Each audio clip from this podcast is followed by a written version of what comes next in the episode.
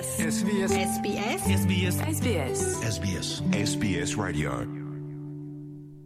По продолжение следува и разговор со младиот и надежен каратист на Австралија со македонско потекло Тео Цветковски. По успехот на правенството на Океанија, Тео својот квалитет го потврди и на правенството во карате на Комонвелтот што се одржа во Англија, освојувајќи три медали. Следен предизвик за 21 годишниот Тео Цветковски ќе биде младинското светско првенство што ќе се одржи идниот месец во Турција. Да го слушнеме разговорот. SBS. SBS. SBS. SBS. SBS. SBS. SBS Radio. Тео, како сега се чувствуваш со освоените медали и од Комонвелт игрите? Фала многу. Да, многу добро се чувствувам. Значи, точно така пред неколку дена се вративме од Англија. Уште едно многу успешно првенство на Commonwealth и можам да кажем дека целосно како австралиски тим многу добро настапивме.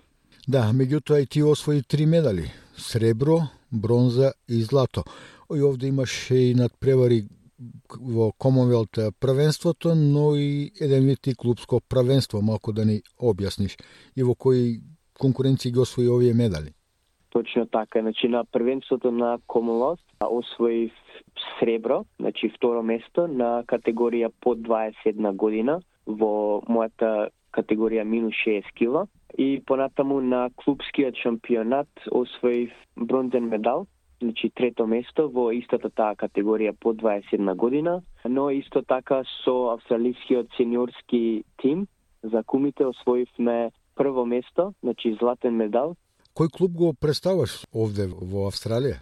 И јас а, тренирам во клубот се вика Тошинкај Шотокан Карате. Тој клуб е дел од светска организација што се вика Шотокан Карате International Federation и има дел во многу клубови уствари низ низ Австралија и нашиот клуб е дел од таа таа организација. Значи со нив сум веќе поише од 10 години од кога се преселив од Македонија, бидејќи сакав да продолжам со шотокан стилот со карате и го најдовме тој клуб тука во Австралија.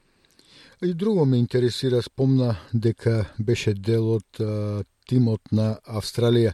Сега, тој тим во јуниорска конкуренција или тоа е сениорска конкуренција, оние најдобрите, каде што освоивте златен медал? Да, точно така. Значи, тоа, таа категорија е сениорскиот тим. Дел од австралискиот тим беше избран да ја репрезентира Австралија во таа категорија че обично нај, најдобрите се селектирани за да се борат за Австралија во, во таа категорија. Е, токму и тоа сакав да, да дознам, значи, ја имаше таа чест да бидеш селектиран да ја представуваш Австралија, всушност те одбраа меѓу најдобрите пет или шест колку што ја представува Австралија на, нова ова Комонвелт првенство. Да, значи многу добро беше да да ме селектираат бидејќи чувството да се бориш за Австралија поготово не само индивидуално него во во тимско сценарио е многу убаво.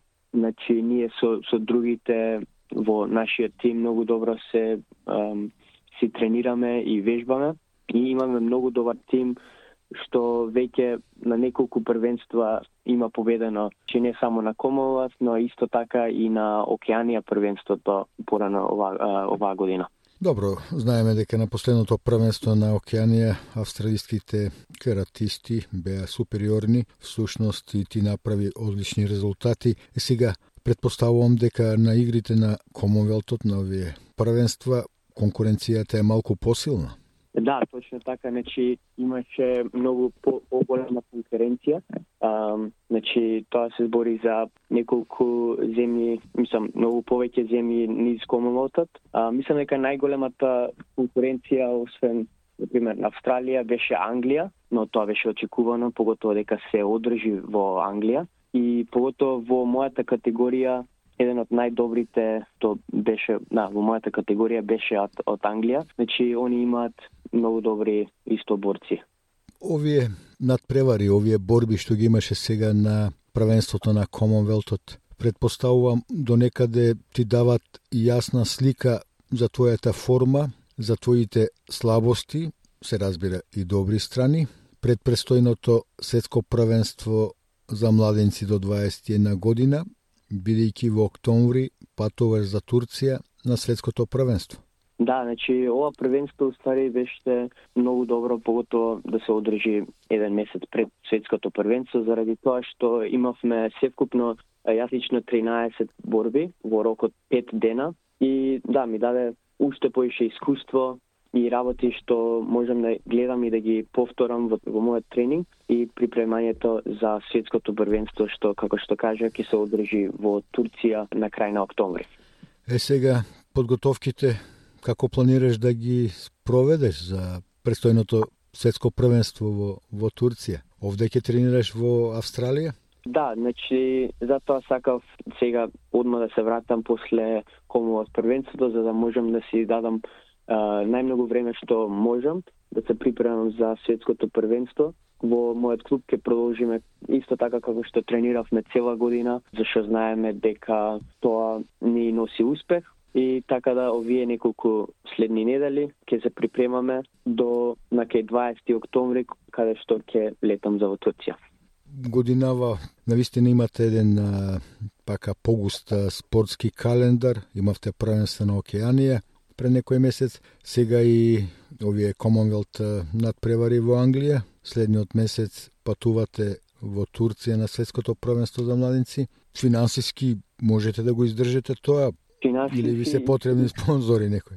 Искрено кажано, многу е тешко финансиски, зашто во овој спорт, во карате, не добиваме некоја подршка од државата и од Федерацијата на Австралија, иако ја репрезентираме Австралија. Така да многу е тешко, поготово оваа година, како што кажа, имавме многу интернационални првенства, каде што трошковите се премногу големи и затоа и за Комолос првенството баравме некоја подршка од нашите пријатели и фамилија, но секак било кој спонзорство многу би значило за, за да можам јас да продолжам со редовен тренинг.